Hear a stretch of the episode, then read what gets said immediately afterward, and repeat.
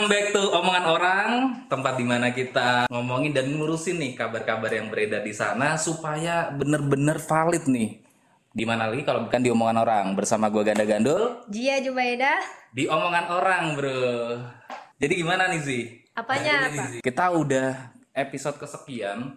Jadi menurut lo apakah kita udah valid diomongin sama orang? Udah diomongin belum nih? Supaya kita sesuai dengan podcast kita ini. Kayaknya udah deh. Kayaknya udah ya. Masa belum sih? Karena episode-episode sebelumnya kita udah ngebahas masalah K-popers, masalah Sing. ghosting. Jadi gua sih udah cukup yakin kalau kita udah diomongin minimal sama para K-popers lah ya. Iya ya, karena banyak ya pendengar K-popers tuh. Iya, jadi ada fans BTS, Yang- EXO, Ya.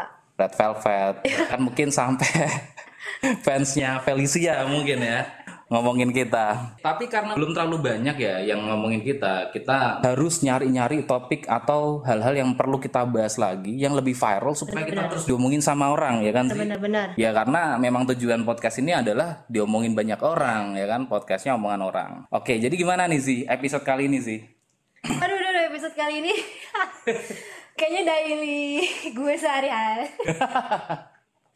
ini ini tabu banget buat dibahas sih. Pas Tabu? banget, iya. Oh, gitu. Pas banget buat dibahas. Viral banget sih. Eh, jadi episode kali ini buat kalian para pendengar adalah episode spesial. Kenapa nih? Coba ceritain dulu sih. Kenapa nih? Karena lagi booming banget aplikasinya dipakai semua kalangan. Oke, dan juga episode kali ini karena kita kedatangan bintang tamu, bro. Oke, siapa itu? Kedatangan guest star nih, ya kan? Biasanya kalau guest star tuh kita cuma nelpon-nelpon doang nih. Iya. Ini datang ke studio kita, bro. Oke, langsung aja kita kenalin siapa dia. Mbak Mira.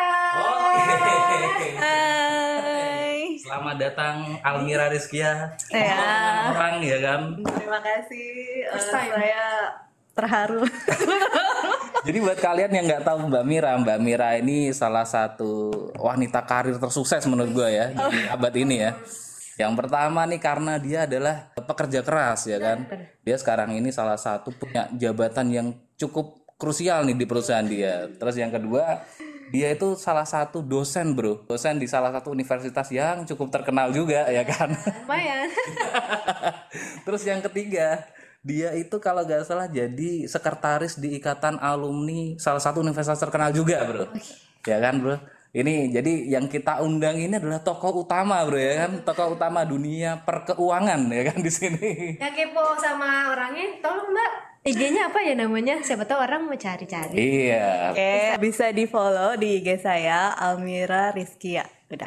Oke, jadi buat kalian pen- para pendengar yang paling curious nih siapa sih gestar kita? Lo cek aja di IG-nya Almira underscore Rizkia ya kan? Ya bisa dicek. Tapi sebenarnya gue bro, gue sama Mbak Mira ini curiousnya bukan karena tadi ya profilnya, tapi gini loh bro, dia kan bilang dia wanita karir ya kan? Tapi Dia kan super sibuk ya, kan? super sibuk ngedosen, ngasih seminar-seminar ya kan? juga Pertanyaan gue adalah apa motivasi Mbak Mira mau diundang di omongan orang? Jangan-jangan apa karena honor dosen sudah mulai menipis, wes, eh, karena udah banyak yang online ya kan? Atau karena udah nggak ada seminar? Karena seminar udah gratis semua ya kan? via virtual. ya, jadi kan memang sebenarnya aku tuh orangnya tuh memang senang kesibukan ya. Jadi apalagi kalau hal bisa membagi hal-hal yang positif gitu ya, bisa sharing gitu ya. Makanya salah satu dosen sebenarnya ya ingin ngajarin gitu kan, ingin berbagi ilmu kepada adik-adik kelas gitu, Wis. pada junior gitu. Tapi saya, saya percaya bro, dia itu pasti melihat bahwa pekerjaannya sekarang sudah tidak lagi menguntungkan ya kan. Jadi sela-sela itu ya udah gitu datang ke omongan orang. Langsung aja kita mungkin bahas dulu yang viral nih Zi. Hmm. Yang viral ini adalah kemarin ada topik cuti lebaran dihapuskan gitu kan. Menurut kalian gimana nih menanggapi kayak gini nih? No comment sih. No comment. Belum kerja soalnya.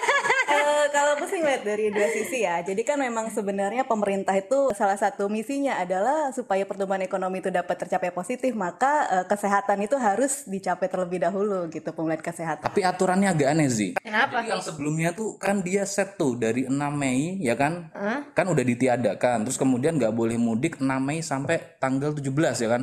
Nah terus sekarang ini berubah bos. Ke Jadi dari tanggal 22 April sampai 25 Mei. ah Ini menurut gue udah nggak jelas. Afrik ya jadinya. Menurut gue udah nggak jelas. Lo udah pernah baca aturannya belum? Belum. Belum ya? Jadi aturannya tuh aneh sih. Jadi satu tidak boleh mudik ya kan? Iya iya itu tahu. Tidak boleh kampung halaman. Yap. Pulang ke kampung halaman. Yang ketiga tuh dia bilang boleh berwisata. Bro, jadi gini, bro, Iya iya iya iya. Nggak boleh mudik oke lah. Iya iya iya. Nggak boleh pulang kampung halaman oke lah. Bro berwisata bro. Ini Ini gimana sih bro? Kalau wisata ke kampung halaman gimana nih? Jadi Ini aduh. Makanya nih aduh. Saya no comment lah tapi terkait kondisi ini saya no comment lah. Kita nggak perlu lah nih bahas di sini ya kan. Karena memang nih kalau kita bahas nggak akan ada habis. panjang jadi urusannya. Ya udahlah sih langsung aja mungkin dong ke sih. topiknya. Topiknya apa tuh sih hari ini sih? Tok tok. Itu positif. Emang positif ya? Waduh, waduh, waduh, waduh. Kayaknya sih positif kalau menurut saya. Bro, gini loh bro. Kemarin tuh udah lo bilang pertama K-pop bermanfaat ya kan. Ah, Terus yang kedua sekarang TikTok positif ya kan. Bro, gini loh bro. Gue tuh udah gimana ya baca topiknya aja udah kelihatan dampak negatifnya ya kan. Apalagi mesti kita bahas di sini gitu loh. Tapi nggak apa-apa sih menurut gue karena mumpung guest star kita sekarang ini kan memang jago TikTok. aduh. Kalau lo lihat tuh bro di konten sosial medianya dia, tiap dua jam TikTokan, dua jam TikTokan. Terus Mbak. Ini Mbak Mira, mohon maaf nih. Anda dua jam TikTokan apa nggak ada pekerjaan? Apakah semua tadi hanya fana saja? Gabut Pak, gabut dia, gabut. Aduh. Tapi ya sudahlah, mungkin bisa disampaikan kira-kira kenapa sih opininya kenapa TikTok itu positif? Jadi sebenarnya karena kan itu sebenarnya teknologi baru gitu ya dan aku tuh orangnya walaupun umur 30 something tapi jiwa generasi Z gitu. Mohon maaf nih, TikTok ini, bro. TikTok ini kan K-nya dua bro ya. K-nya dua ini sebenarnya mengandung arti K Apa? adalah kerugian, satunya adalah kontroversi. Bro. Enggak, enggak gitu. Tapi menurut Zia kenapa nih? Kenapa dia positif? Kenapa nih? Positif. Hmm. Ini aja ya to the point, saya juga main soalnya. saya main TikTok, udah lama sih main TikTok, cuma nggak kayak yang nggak sekarang tuh kayak bener-bener viral banget ya. Karena juga emang pas lagi pandemi juga orang nggak ngapa-ngapain, ya udah main TikTok. TikTok itu mengasah otak untuk berkreasi. Oh gitu, Mbak Mira, betul. Ya, benar, kenapa ya? benar. Jadi dia tuh pertama dia mempunyai algoritma yang cerdas ya dan itu Ah-ah. banyak sekali interaksi dengan penggunanya. Jadi kita bisa berkreasi dengan musik, Betul. dengan filter, bahkan dengan hashtag gitu. Kita Nah. bisa ngasih challenge gitu kan kalau kita lagi lagi gabut gitu ya. betul, betul. Challenge apa misalnya challenge Dengar dengar ini, Bro. Dengar pendengar, mohon maaf nih. ya itu tuh apa ya kayak mengasah otak ya kita juga ngafalin gerakan gitu-gitu kan Nah, iya benar. bisa buat Oke, selain itu deh, selain itu apa gitu manfaat dari belajar belajar? Bisa. Loh, loh. di Gimana aplikasi TikTok itu ada yang namanya akun buat belajar bahasa Inggris, terus cara buat CV, curriculum vintage, gitu-gitu pak. Kayak interview juga ada, di situ ada, ada manfaatnya. Sorry nih, Bro. Ini kan aplikasi belajar yang lain kan juga ada. Kenapa harus belajar di Ya TikTok gitu? ada, emang. Nah tapi ini kayak Dia membuat orang yang nonton itu supaya lucu, terhibur gitu intinya. Jadi dia kan berusaha membuat semenarik mungkin gitu dengan fitur-fitur yang ada di TikTok. Nah, terus kemudian kalau misalnya ngomongin belajar tadi apa yang bisa dipelajarin, ya kan? Tadi, mohon maaf nih, Bro. Bro, apa? ya? generasi muda kita Ah, itu bikin aplikasi capek-capek ruang guru terus kemudian dikalahkan sama TikTok Ruang guru juga masih ada kok. Suka aja masih ada. terus gimana kan kalau kalau menurut gue nih ya TikTok ini kan cuma 15 detik ya kan Ah, iya. 15 detik 60 15 dan 60 ada. dan 60, 60 ya. ya. ya oke lah Gak main kan ketahuan.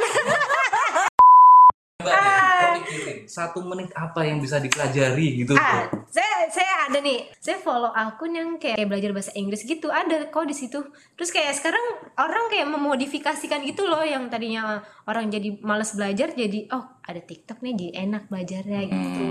nggak make sense sih menurut Eh. Kayaknya mungkin mungkin bisa ngasih opini yang lain nih Mbak Mira. Kira-kira apa? Selain misal tadi dia Zia bilang belajar gitu. Kira-kira yang bikin orang banyak seneng nonton? Yang pertama ya dia ngasih hiburan gitu ya, Ya. ngasih hiburan yang menarik ya. Apalagi waktunya hanya dibatasi 15 detik dan 60 detik. Artinya orang tuh nggak bosen untuk nontonnya gitu. Terus hiburan apa gitu bos? Ih. entertainment itu misal musik denger lagu-lagu ya kan? Nonton film kita ke bioskop. Apa gitu loh hiburannya? Lima 60 detik gitu loh bro bro sekarang kan nonton musik langsung nggak bisa bioskop ditutup Terus ya udah jadi ya ke TikTok bisa pakai media yang lain dong ya kan iya sih. Spotify dengerin omongan orang itu kan lebih bermanfaat ya kan daripada lo deng Iya sih. Sih. Jadi Iya, iya. ini tuh lebih ada interaksinya gitu kan. Jadi kayak orang dia bisa loh bikin kayak sinetron atau apa berpura-pura jadi apa di Ya. TikTok gitu ya. Nah, orang jadi liatnya kayak lebih real lah gitu. Kalau misalnya dibanding Instagram kan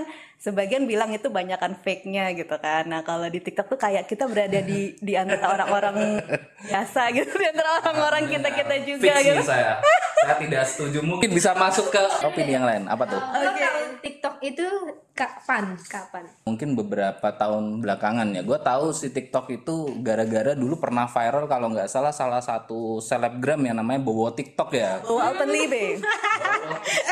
Iya, bawa TikTok benar-benar. Ini Bowo ini keterlaluan bro. Dia tuh ibaratnya menipu nih bro menipunya kenapa? Dia kan setelah selebgramnya dia viral terus kemudian dia bikin meet and greet bro. Meet and greet artis TikTok. Aduh bro. Bro meet and greet tuh minimal ya. Atta Halilintar ya kan? Aurel Hermansyah ya kan?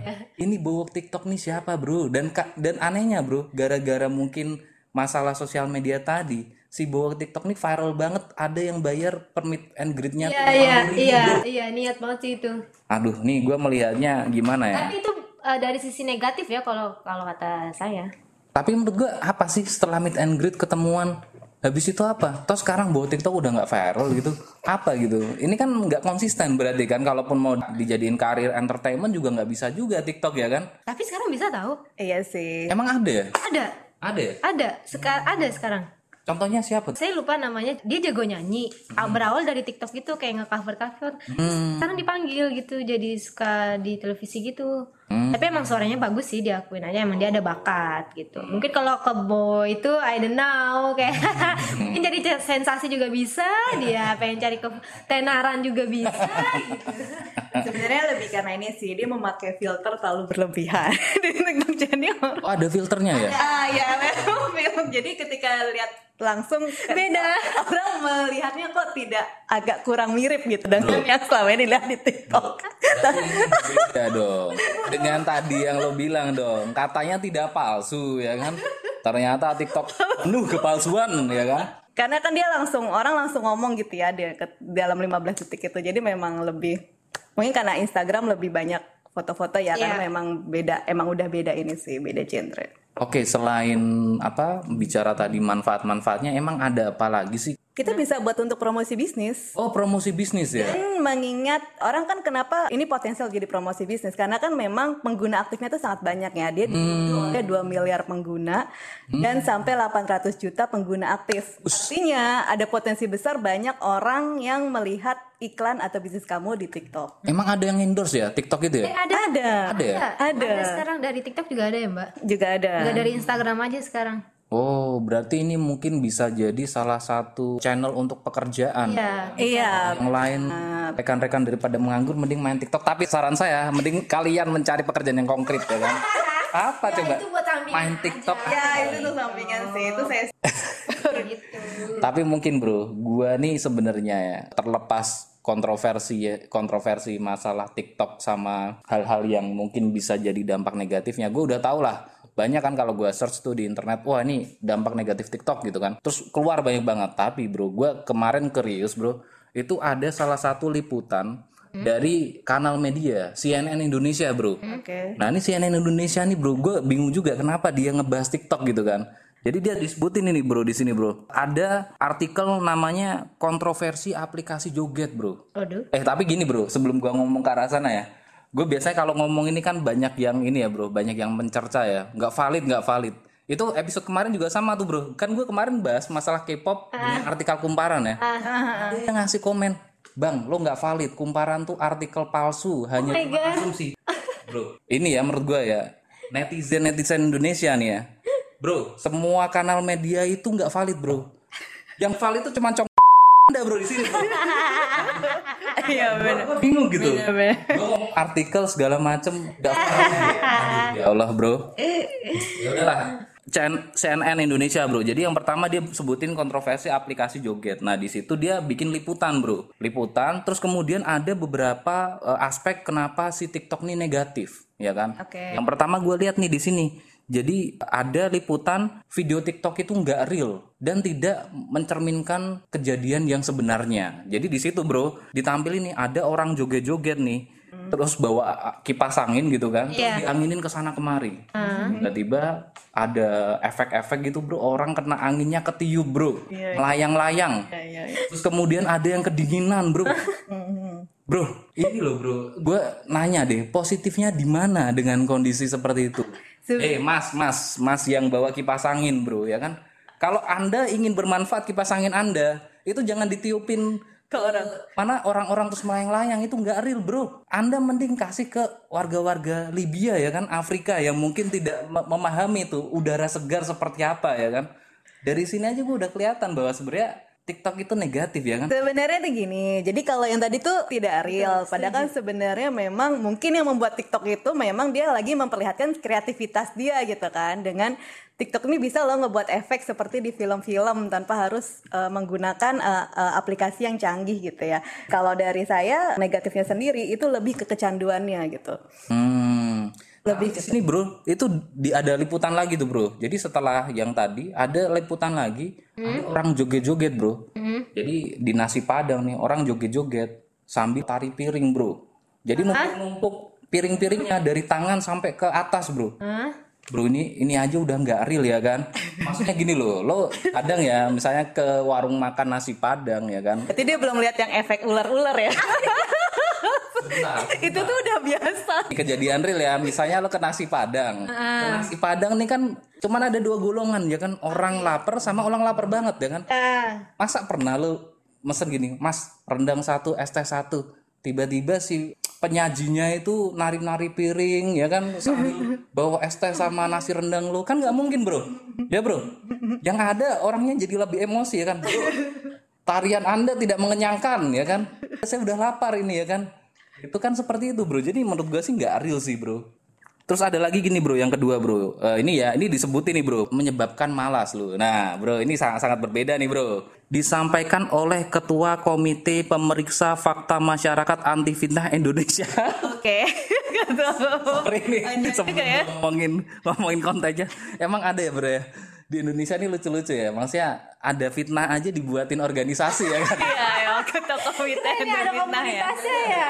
Nah dia bilang gini nih bro, menyelaraskan dengan opininya Mbak Mira, dia bilang fenomena masyarakat sekarang lebih mudah bosan ya kan, lebih mudah bosan. Jadi pengennya yang pendek-pendek gitu. Iya. Terus di situ diikuti lagi sama liputan atau wawancara sama anak-anak SMP nih bro, ditanyain, Mas eh, kira-kira konten apa sih yang paling eh, sering ditonton di TikTok gitu kan? Nah terus si anak SMP-nya bro menjawab gini, ya di situ ada tips-tips ujian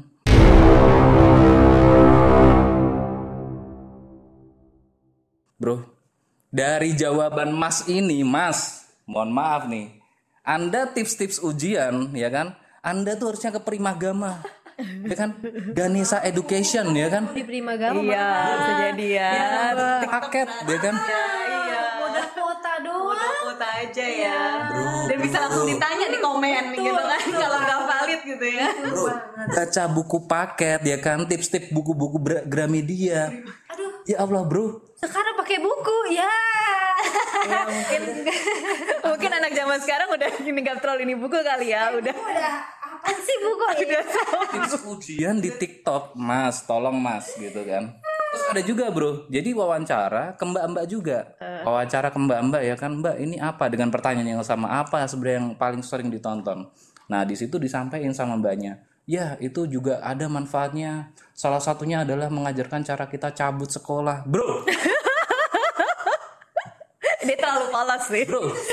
Itu terlalu polos. Mohon maaf nih mbak, mbak yang wawancara sama CNN. Jadi mbak tolong mbak? Anda itu disekolahkan sama orang tua Anda supaya bisa lebih pintar. Ikut Olimpiade Science, fisika, matematika, ya kan? Bukan malah cabut sekolah. Apa manfaatnya cabut sekolah Anda? Mohon maaf nih Mbak, aduh ya Allah. Ya ini orang tuanya bayar gitu ya. Nah, makanya tuh mungkin yang tadi ya komite ketua komite pemeriksa fakta masyarakat dia bilang bahwa menyebabkan malas bro, Iya bisa jadi. ya kan? Ya bisa jadi. Nah ini ngeri loh bro sebenarnya bro. Memang harus bisa memfilter ya, Iya, apalagi benar-benar, sebenarnya kembali ke diri sendiri Iya. gitu ya. Sama pengawasan ya kalau untuk anak kecil Iya, biasanya. Seka- ih, sekarang juga anak kecil kan make TikTok tuh bener-bener candu sekarang bisa dibilang. Tapi saran saya anak kecil, anda bermainlah seperti orang-orang tradisional yang lain ya bro. Zaman Zaman dulu tuh main apa? congklak. Congklak ya kan? Sebenarnya memang menurut saya aplikasi TikTok tuh bukan untuk anak kecil sebenarnya. Iya, memang namanya TikTok seolah-olah kayak nama buat anak-anak gitu ya. itu sebenarnya Bener. salah kaprah sih. Sebenarnya itu sebenarnya aplikasi untuk remaja dan dewasa 16 sampai 24 Betul. tahun ke atas. Terus di CNN Indonesia nih bro, ini juga disampaikan juga ternyata TikTok ini bisa membahayakan orang lain karena ada challenge-challenge yang membahayakan. Nah, ya ya ya. Jadi ini kalau di diliput di sini ada namanya School Breaker Challenge bro. Waduh serem banget. Tahu nggak School Breaker Challenge tuh Dia mematahkan tulang berarti. ya. mengatakan Itu yang ngikutin challenge tuh nggak ada otak sih kayaknya.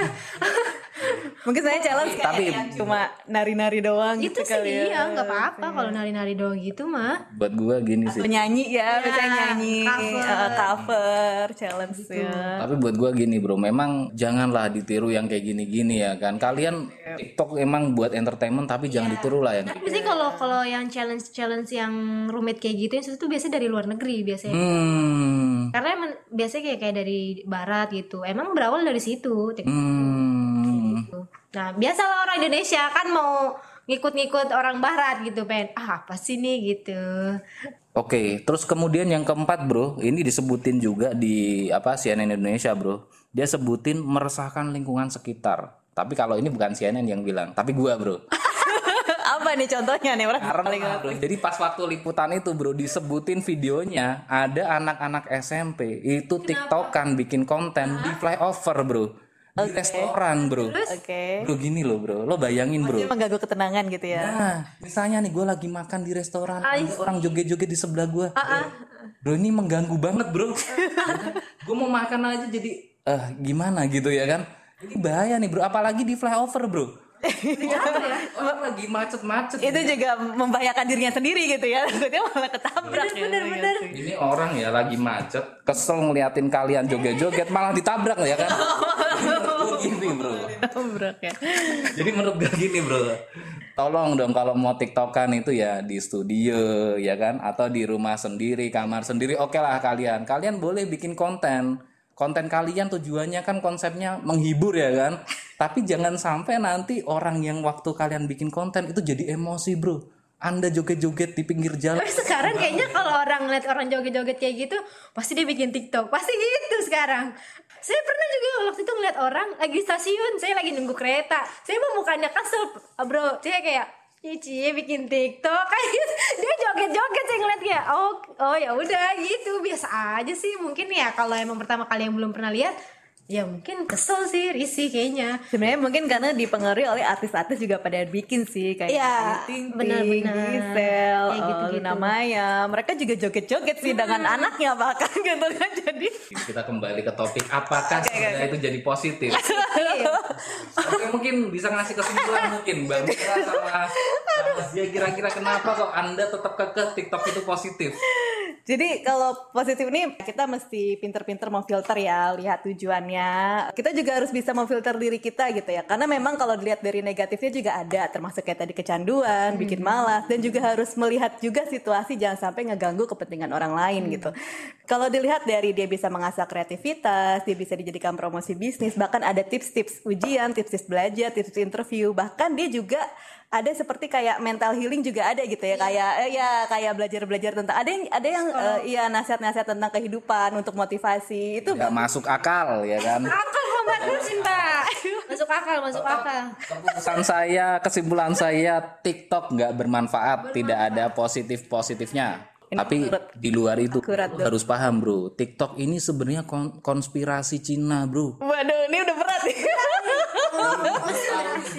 berat punya TikTok itu kan ByteDance, ByteDance itu punya perusahaan TikTok. Cina startup ya ya kan? Iya, iya. Punya beberapa aplikasi viral di Cina. iya iya iya Itu tuh mereka risetnya didanai sama Universitas Peking, Bro. Universitas Peking ini termasuk dari C9 Liga Universitas di Cina yang didanai langsung sama pemerintah. Di mana semua interaksi kalian itu diambil sama TikTok datanya, terus kemudian dibuat create bonds-nya apa. Jadi menurut gua TikTok itu Ya, memang. konspirasi ya kan? Sih, ya. dan tidak bermanfaat. Oke? gitu ya. Cukup nih mungkin Aduh. di podcast kali ini ya Zia. Boleh Ini ya cukup hot ya. Iya, cukup. ya kalau diterusin bisa diterus bisa bisa sampai maghrib ini. berantem ya Bisa berantem ya. Oke, mungkin cukup sekian. Oke. Terima kasih buat Mbak Mira yang sudah Iya. datang di studio kita. Ya, terima kasih juga. Juga buat pendengar-pendengar yang setia terus sama kita, terima kasih. Kalian tetap stay tune di omongan orang dan jangan lupa Zia, kita udah rilis ini ya. Instagram ya. Jadi buat kalian sekarang jangan lagi menteror saya terkait topik-topik baru ataupun komen-komennya. jadi Jadi kalian bisa langsung aja connect ke Instagram kita di podcast underscore omongan orang buat ngasih komen, respon, dan juga topik-topik baru apa yang pengen kita bahas. betul banget Oke, terima kasih. Mungkin cukup sekian. Wassalamualaikum warahmatullahi wabarakatuh. See you di lain kesempatan. Bye-bye.